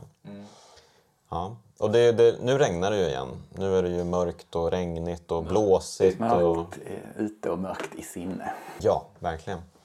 Eh, Så man hoppar på lite plattformar här. Det är så här mm, typ burar som hänger från ja, jättestora burar. Oklart syfte.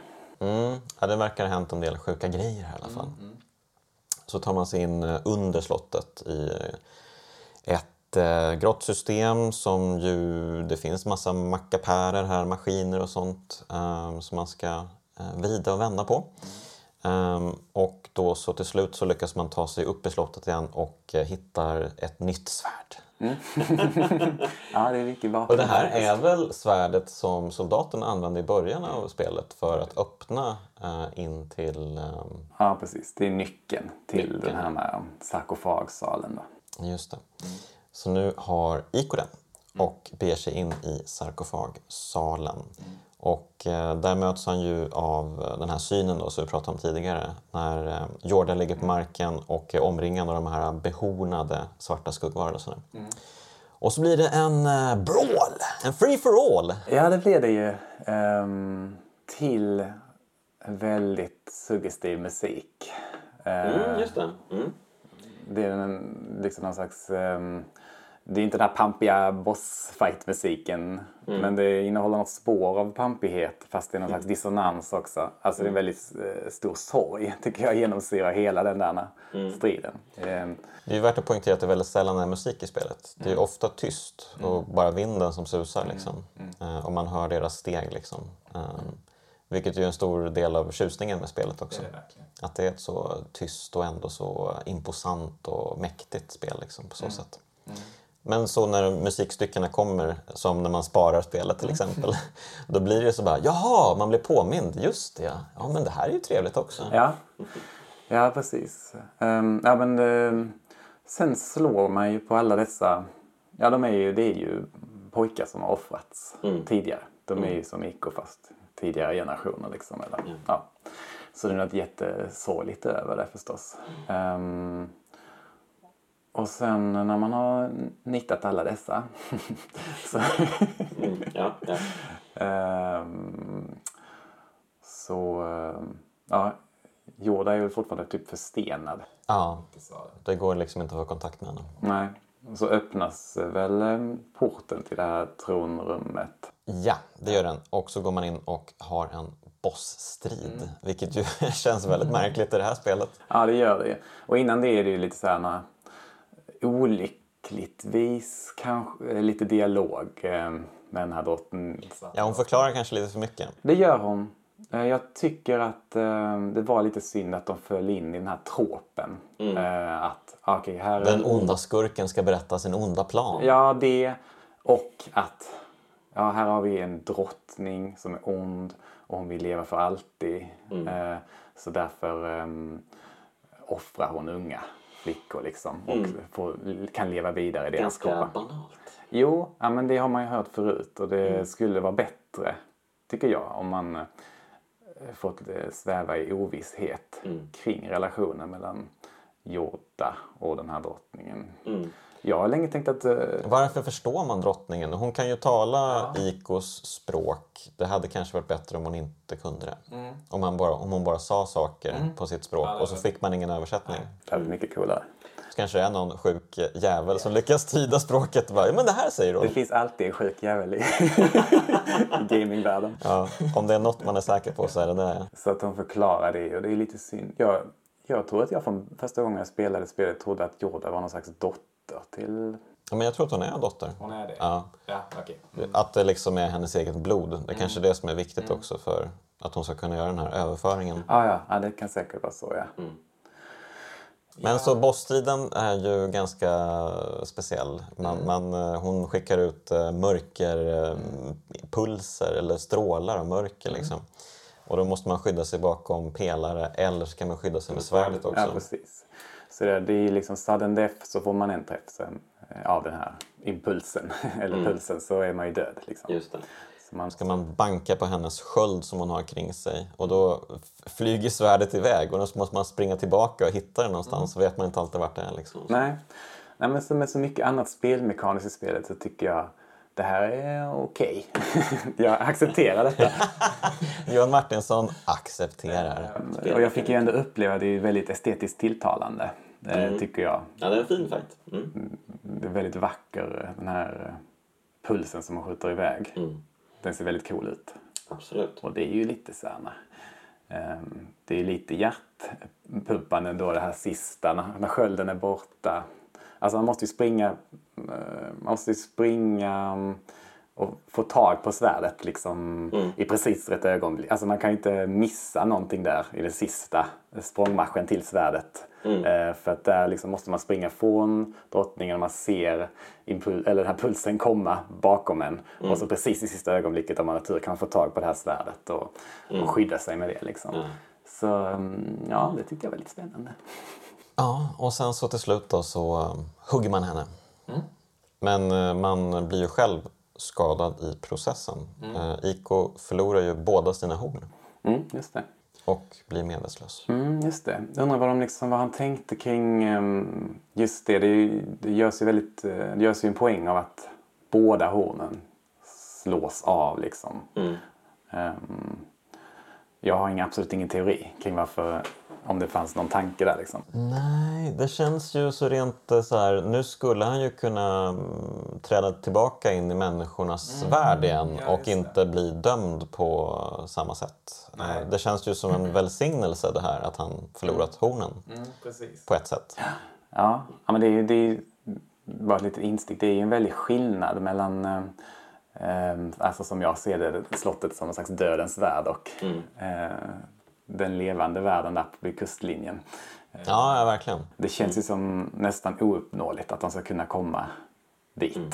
Eh, De är där på slottet och det känns ju liksom eh, det känns inte som att den levande världen är riktigt verklig för dem eh, längre. För att det är ju bara en bild. Det är ju bara en... en Det är också en begränsning som förstärker någonting. Att det är ju bara så här en bild av eh, En- en skog. suddig ja, bild. Skog, Suddig skog liksom. Så det känns inte riktigt tillgänglig för dem. Mm, mm, ja, verkligen. Eh, Men nu existerar ju inte längre den här världen, Nej. dödens värld. I och med att drottningen dör så börjar ju slottet rasa samman. Precis, så det är ju väldigt stark koppling däremellan. Och, men nu vaknar Jorda till liv. Och eh, inte nog med att hon vaknar till liv, hon blir mörker. Och vad betyder det? Jag vet inte. Vad, vet du? Nej, alltså blir hon det mörker som drottningen var på väg att bli? Eller vad... eh, Jag vet inte, var hon det hela tiden? Och nu när drottningen är död så slukas hon. Ja, precis. Ja, det är svårt att veta. Var det Jorda i mörkerform som slukade Iko i början av spelet genom väggen? Mm, Okej, ja. Jag har inte tänkt på det. Men man kan verkligen undra. Man kan tänka på det. Nästa gång jag ska tänka på spelet ska jag tän- tänka på de grejerna. Ja, ja men gör det. Eh, jag vet verkligen inte, men eh, det känns som att det finns eh, någonting där, absolut. Och, eh, men hon, hon bryr sig om Iko. Hon vill rädda Iko från den här dödens plats. Så hon tar ju med honom ner till vattnet, lägger honom i en eka och skjutsar iväg honom samtidigt som allt rasar samman. Och det är ju jättevackert. Och här hade ju spelet kunnat sluta och det hade varit perfekt. Ja, det är sant. Men det slutar inte där. Vad Nej, händer? om man tittar på eftertexterna Mm. eh, så vaknar man ju sen upp eh, verkligen i, i livet. Eh, på en väldigt sån vacker strand... Harmonisk ja, plats. ja, vacker strandremsa liksom. Mm. Under klipporna siffrorna där. Så här finkornig, nästan vitaktig Ja, det är verkligen eh, paradis. sand. Liksom. Och de Ja. har ändrat, de har ändrat nyanserna i det gröna på något sätt så att det känns väldigt semestrigt. En semestrig grönton. Okej, bra. ja, men innan det händer, när man eh, skjutsas ut eh, på den här ekan, då får man ju en flashback. Vilket ju är... Alltså jag skulle säga att det här är en typisk asiatisk grej. Ja. Eh, De älskar sina flashbacks. Ja, ja, ja. Alltså det, är liksom, det, är, inte- det är inte ett eh, konstverk om man inte får en flashback. Nej. Liksom.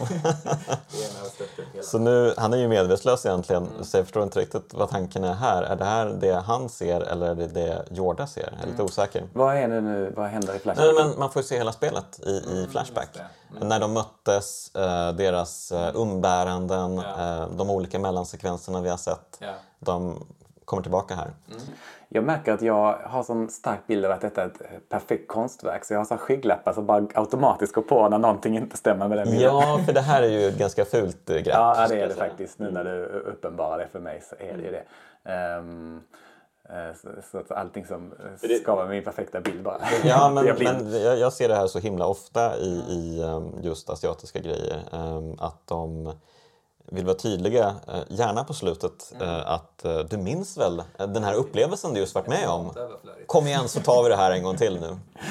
Ja, det är så lite till, det är också en sån skum grej. Så lite tilltro till ehm, Ja. spelaren. När resten av spelet eh, så tydligt talar sitt språk att det, det litar på spelaren. Eh, förmåga liksom.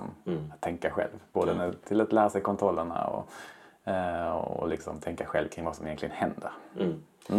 Ja, men på den här stranden då så kan man ju, då hittar man ju Jorda här. Och hon har en eh, lite mänskligare hudton. Mm, hon är inte längre lika vit, nej. Hon är ju inte mörk heller, utan hon ser ju ut som hon gjorde liksom, när de eh, hängde. Ja, precis. Så hon ligger ju här uppsköljd på, på stranden och eh, ja, så kan man sätta sig och eh, dela ett ögonblick. Det finns väl, man kan springa och hämta stora så här, vattenmeloner på stranden. Och så kan man springa fram till henne och så delar de på vattenmelonen och sitter och äter och tittar på det havet. förra gången jag mm. Eh, Så visst, det är ju fint, men samtidigt känns det ju lite så här, va? Jag trodde hela grejen var att hon liksom offrade sig för honom. Och, eh, men nu är hon här och hon är liksom normal och allt är frid och fröjd. Lite av en helgardering kanske, ja. Ja, eller är det ens ett slut som, som är liksom verkligt? Eller är det en dröm? Man vet inte. Precis. Det kan man ju verkligen fundera över. Precis. Har hela spelet varit en dröm från det att han spärrades in i sarkofagen? Jag vänder mig mot den tanken. Jag vill inte heller att det ska vara så. Nej, allt kan inte vara så.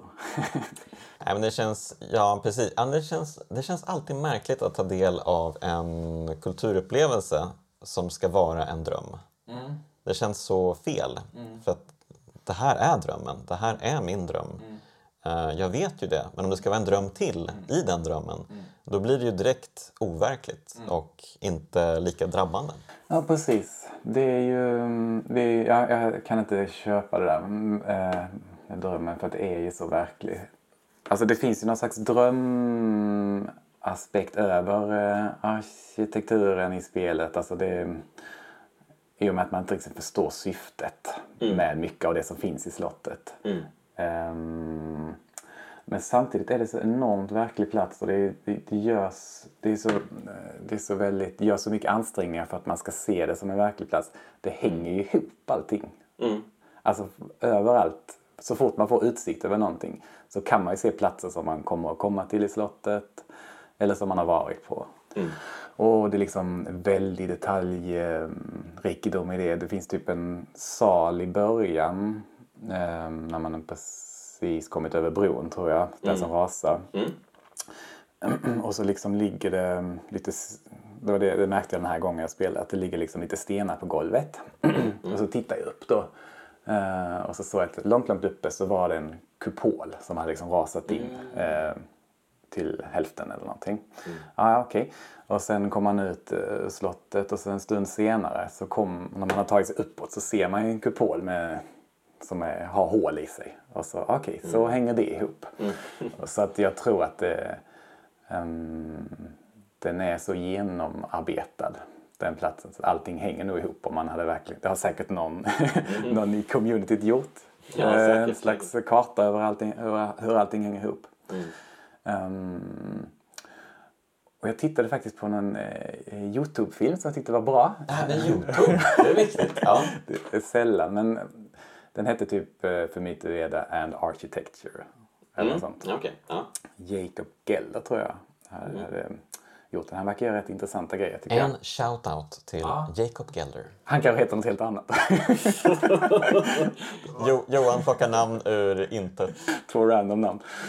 Ehm, eh, och då gjorde han en poäng. Han, eh, som jag, har också en enormt stark känsla av eh, de här platsernas verklighetsgrad. Och han gjorde en poäng av något så här gammalt eh, Ueda-citat. Där, han, eh, där någon hade frågat honom Ja, varför är det så mycket ruiner i dina spel? Och så hade han sagt så här, hans vanliga platta stil. Ja, jo men det är speldesign. Man har ett eh, rum och ska till ett annat rum. Eh, så, eh, och det är en trappa som förbinder dem. Så om man tar sönder, om man förstör den trappan så blir det ju intressant speldesign. För då måste spelaren komma på ett sätt att ta sig runt eh, hålet liksom. Okej. Ja, ja, vanligt tråkigt svar av Ueda. Ja. Och så sa den här Jacob Geller, men vad då förstör? Eh, finns trappan? Alltså det, när, man gör en spel, eh, när man gör en speldesignutmaning så behöver man inte ha, bygga en trappa och sen förstöra den utan man kan bara lägga in ett sånt element som att den är förstörd från början. Ehm, och att då, så spannar han vidare på det liksom att han, gör, han skapar de här platserna. Ehm, de finns. Ehm, platserna finns och sen placeras man i dem. Mm. De finns på något sätt oberoende av spelaren. Det. Ehm, och det är kanske det. Det är kanske en faktor också i varför de upplevs så, för mig i alla fall, på riktigt. Liksom. Ja, men det är ju en intressant eh, speldesign, eller spelfilosofi han har för Mytoedo. Det här med att han skapar ganska mycket av en värld och sen så bara plockar han bort saker. Ja. För att ursprungligen var IK mycket större spel. Det fanns väl någon ö man kunde besöka till och med eh, i, i havet Det är samma utanför. med Shadow of the Colossus. Det fanns ju 48 bossar från början. 48 kolosser! Åh herregud. Och sen bara skära, skära, skära. Mm. Ja, men det är ju, det är ju, det är ju intressant tycker jag. Att man tillåter sig själv att eh, först vi utforskar världen tillsammans. Vi bygger världen och sen så skapar vi en historia i världen som redan existerar. Ehm, och sen så komprimerar vi det här så att det blir en upplevelse i det hela. Det är en intressant trestegsraket. Ja, Liksom. precis. Det är ett eh, fruktansvärt ineffektivt sätt att arbeta på förstås. Ja, det är ju ett skäl till att det tar så jäkla tid att göra hans spel också. Ja, men det är ju... Ja, alltså... Ja, men han jobbar ju lite som en poet på ett sätt. Att han liksom bara tar bort och tar bort och tar bort och tar bort. Tills det bara är någonting kvar. Som, det som är liksom sant. Eh, är kvar liksom. Ehm, Det finns ju många exempel på liksom hur han man märker att han har plockat bort saker och sen finns det bara... Han, kan, han kunde ju plockat bort lite... Han lyckas inte komma riktigt ända fram. Det finns ju några saker han kunde plockat bort. Som till exempel där drottningens uttalande. Och, och alla stranden. strider. Ja. Men det var ju också kanske svårt på den tiden att tänka så. För då var det ju så himla ingrained i allting att eh, vi måste ha ett stridssystem. Det måste finnas någonting som spelaren kan göra Mm. medan man går runt också. ja, men det är helt otroligt hur han fick... Hur han lyckades få igenom sin vision ändå. Han kommer från ingenstans. Han har gjort Ja, vad hade han gjort innan? Han hade gjort typ filmsekvenser till Saturn-spelet Enemy Zero. Wow, starkt! Och så bara, jaha. Eh, och sen... Och hur lyckades han övertyga ledningen att eh, jag vill göra ett spel på... Ja, alltså det gick ju väl extremt bra för Sony då förstås. Playstation ägde ju världen fullständigt. Just det. Mm. Och de, tänk, de hade väl de hade såna, de hade sånt De hade svängrum. över. Ja, de hade Slängde sånt enormt svängrum. Så ja, här har vi en eh, kille som verkar intressant och har någon vision. Ja, vi ger honom ett team så får vi se vad som händer. Ja, det är ju rätt sätt att jobba på kan jag tycka. Ja, ja precis. Men, eh, ja, men att han lyckades få igenom den grejen, alltså det är ju helt otroligt. Men apropå det här att han inte riktigt kan, eh, han inte kan göra eh, sin version rättvisa med ord sen när folk eh, frågar honom i intervjuer. För det är ju tydligt att han ger ganska, som du var inne på, platta svar och sånt. Det tycker jag är snarare bra. Mm. Eh, Jag tycker inte att han ska ge något uttömmande svar om, om det han pysslar med. Jag tycker att ingen ska göra det. Nej. Det är därför jag gillar David Lynchs eh, inställning till intervjuer. Mm. Att han bara går dit och eh, om någon frågar ja, men vad, vad, vad var grejen med Lost Highway? Ja, det tänker jag inte berätta. Nej, nej men Ja, det, det, jag gillar sen, också det. och sen det är ju också vi som spelare som skapar vår egen Mm. eh, vision av det hela. Ja, jag tycker jättemycket om det också. Men det är bara, ja, han fick ju den här eh, stämpeln som den första konstnären liksom, jag spelmediet. vet. Och så vill man ju att han ska... Eller det, det, Man vill att han ska vara smart. man vill att han ska ge så här jätteintressanta svar på saker. Ehm, och så gör han inte det. Och så uppstår det en uh, otillfredsställd känsla som jag tycker är bra i sammanhanget. Ja, vi har ju varit inne på det att det, det ska vara lite skavanker i saker och ting. Det ska inte Mm. finnas det där perfekta. eh, Som in, IK är ju verkligen inte det perfekta spelet, om, om någon tror det. Nej, Men det är ju nästan en perfekt spelupplevelse. ja, precis. It's through the cracks that the light shines. Just det. Just Men ehm, på, tal om... eh, det är en sak jag inte har pratat om i själva speldesignen. Det är kameran. Ja, ja den, den kan man prata om. Ja, vad kände du? Ja, eh, jag kommer ju alltid från den här eh, Shigeru Miyamoto-delen. Så här att eh, en kamera får gärna liksom vara följsam. Vilket ju man inte riktigt kan påstå att den här kameran är. Eh, Men, men, men det ska ge dig det att kameran är intressant. Kameran är ju nästan en egen levande entitet i det hela. Ehm, och det är ju superintressant. Det sättet man kan vida, vrida och vända kameran och samtidigt springa runt utan att ens se sin karaktär Ja, längre. Ja. Ja, vad tycker du om kameran? Ja, nej men, eh, eftersom jag ändå har spelat ett och annat modernt spel så Mm. har jag ju en önskan att se vad som finns framför mig i spelvärlden. liksom. Ja, den det har jag, ändå, eller jag kände ett behov av det. Mm. Ehm, den, in- den uppför sig intressant. Den har ju liksom ett eget, eh, en egen agenda ganska Mm. ofta. Liksom. Man närmar sig en klippkant så, så eh, färdas den framåt så man liksom ser verkligen hur djupt ner det är liksom till havet. Och inte bara det, den här kameran man själv kan flytta. Det finns ju kameror, alltså det klipps ju mellan kameravinklar. Jaså? Så om du kommer fram till ett stup så kan du liksom pang, klippa till en annan kameravinkel och så kan du bara, för att du håller eh, spaken åt ett håll, så whoop, flyger över kanten och dör. Jaha, okej. Ja, Ja, jag, ehm, jag använder mig mycket av, eftersom jag vill se, Mm. Så, ehm, så använder jag mig mycket av den högra analoga spaken för att eh, sko- liksom, eh, åka runt med kameran på miljöerna. Eh, Men då vågar jag inte röra mig, eh, min karaktär, för jag ser ju inte mig.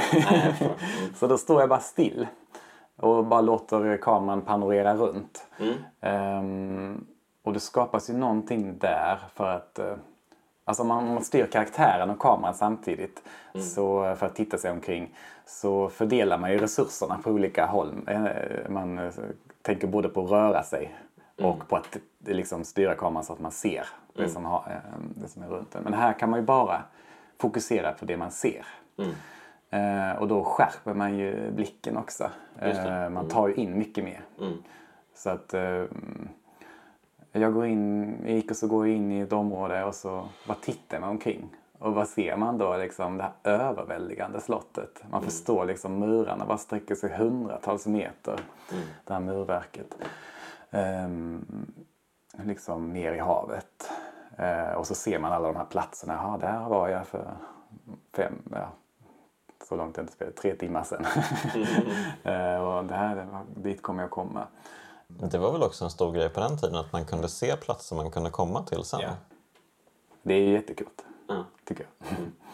Ehm, så så att, ehm, det är ju ett spel som på många sätt handlar om att, att stanna och ta in. Eller det, det, Ett spel om att stå still. ja, men det är på, det, det, det är på vissa sätt. Och Yoda, hon är ju väldigt, hon är en väldigt passiv karaktär. Mm. Hon är liksom kvardröjande på något sätt. Man måste ju släpa henne framåt liksom. Iko är det här aktiva. Och hon är liksom det lite passiva. Men jag vet inte om det liksom alltid är fel att vara passiv. Att stå stilla. Nej. Ehm, vi lever ju i ett samhälle eh, och, in, spel, och även som spelvärlden är en del av. Där aktiviteten och framåtrörelsen är eh, det allra viktigaste. Mm. Men det, det, det leder ju oss fel på vissa sätt. Om man ser till hela världen. Ehm, det är ju framåtrörelsen och energin som eh, står för mycket av koldioxidutsläppen till exempel. Ehm, så det här med att stå stilla, det är inte så dumt kanske. Ehm, jag tycker också om att Yoda liksom, man kan, hon liksom eh, på den här innergården med träden till exempel, de här små vita fåglarna. Där liksom följer hon ju efter, hon går och tittar på dem och liksom följer efter dem och hoppar iväg liksom på marken. Det är så himla vackert. Ja men precis, om man, om man själv står still på ett område då börjar ju till slut Jorda aktivera sig. Mm, just det. Då börjar hon ju göra saker. Hon tittar ju till exempel på saker man kan använda i pussellösning. Eh, Så typ det här kan vara intressant, det här kanske du vill komma och kika på. Eller så gör hon ju som du säger, hon, hon eh, interagerar med omgivningen, med miljön. Hon, hon får en egen liten upplevelse. Liksom. Mm. Ja, det är jättefint. Ehm, mm. Så att hon- det, hon är ju, det är liksom, man ser ju henne som någon slags helt hjälp, eller för ens första intryck är att hon är en helt hjälplös Ja. karaktär. Men jag vet inte om det är helt fel att ha den approachen som hon har. Att vara helt hjälplös. Att vara lite passiv, lite stillastående och inte skynda vidare. Absolut. Eh, ja, Johan, om du ska försöka sammanfatta IK, varför är det kraftspel? Ja, men det har nice spelglädje. Där har vi det. Okej, tack för idag hörni. Jag vill säga något. Men det är, jag, jag förutspådde detta att eh, du skulle fråga. Det är ändå en återkommande fråga. Jag såg din vision. Nej, men sammanfattningsvis så eh, vill jag liksom ändå säga att, eh, eller det som jag har sagt många gånger till dig, så känner jag att ja, men när, när man en gång kom på det här med att man kan skapa datorprogram som är liksom bilder på en skärm som, man, som man sen kan, eh, människor kan kontrollera en karaktär i. Ehm, då föddes ju ett nytt medium. Ehm, och det mediet låter oss vara i bilder. Ehm, det, man, det känns som att man existerar där inne och det har det alltid gjort. Ehm, och sen kom man ju på att man kan överföra spel till detta och det funkar jättebra. det blir jätteroligt. Ehm, men det som hände då var kanske då att man förväxlade en sak man kan göra med mediet med själva mediet. Alltså, det blev spelmediet. Man kanske kan göra någonting mer. Och det kanske finns någonting eh, som ligger närmare mediets kärna som man kanske rör sig bort ifrån om man bara gör spel. Och det är det här varandet, tycker jag. Och sen kom ICO. Ehm, och där tycker jag att Veda liksom det spelet tycker jag är så sam, i, i större grad i samklang med den här grundessensen som jag ser. Att det är, där är, där är, det är så mycket i, i den här upplevelsen som gör att man känner att man är där. Eller jag känner det i alla fall. Ehm, så så det där tycker jag liksom är storheten i det. Det är en sån otrolig plats, det här slottet. Eh, Och det finns väldigt få så här speliga saker som eh, berövar den upplevelsen sin kraft. Som man annars kan uppleva i många, många andra otroliga platser som har skapats i spelmediet. Ehm, och det är därför jag känner att jag är där så starkt när jag spelar. Och det är därför jag känner att jag vill alltid återkomma dit. Till den där delen du lämnade kvar. Ja, det sammanfattar spelet ganska bra. Eh, Och jag eh, kan bara instämma. Det är en fantastisk plats att vara i. Ehm, Och det tycker jag att ni som lyssnar ska ta till er och färdas till det där slottet igen. Ja, tack så mycket Johan för att du var med i Kraftspelen. Tack Jonas, det var kul. Och tack för att eh, du har lyssnat. Även en stort tack till de finfina pojkarna i Bitpopbandet 047 som gör Kraftspelens signaturmelodi.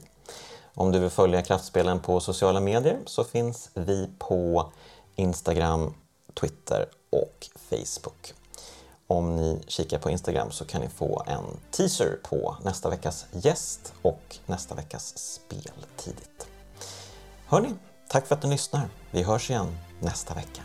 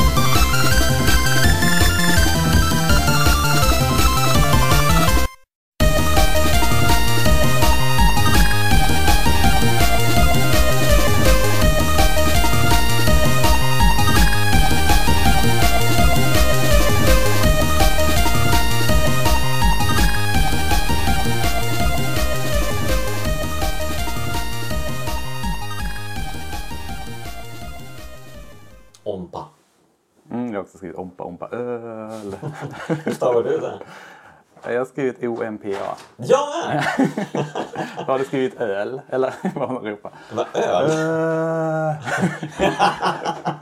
Nej, det, det, det hade jag inte gjort. Men jag har skrivit ompa. Ja. Ompa. Det är två väldigt roliga saker att säga. Ompa. Öl. Det här blir extra material.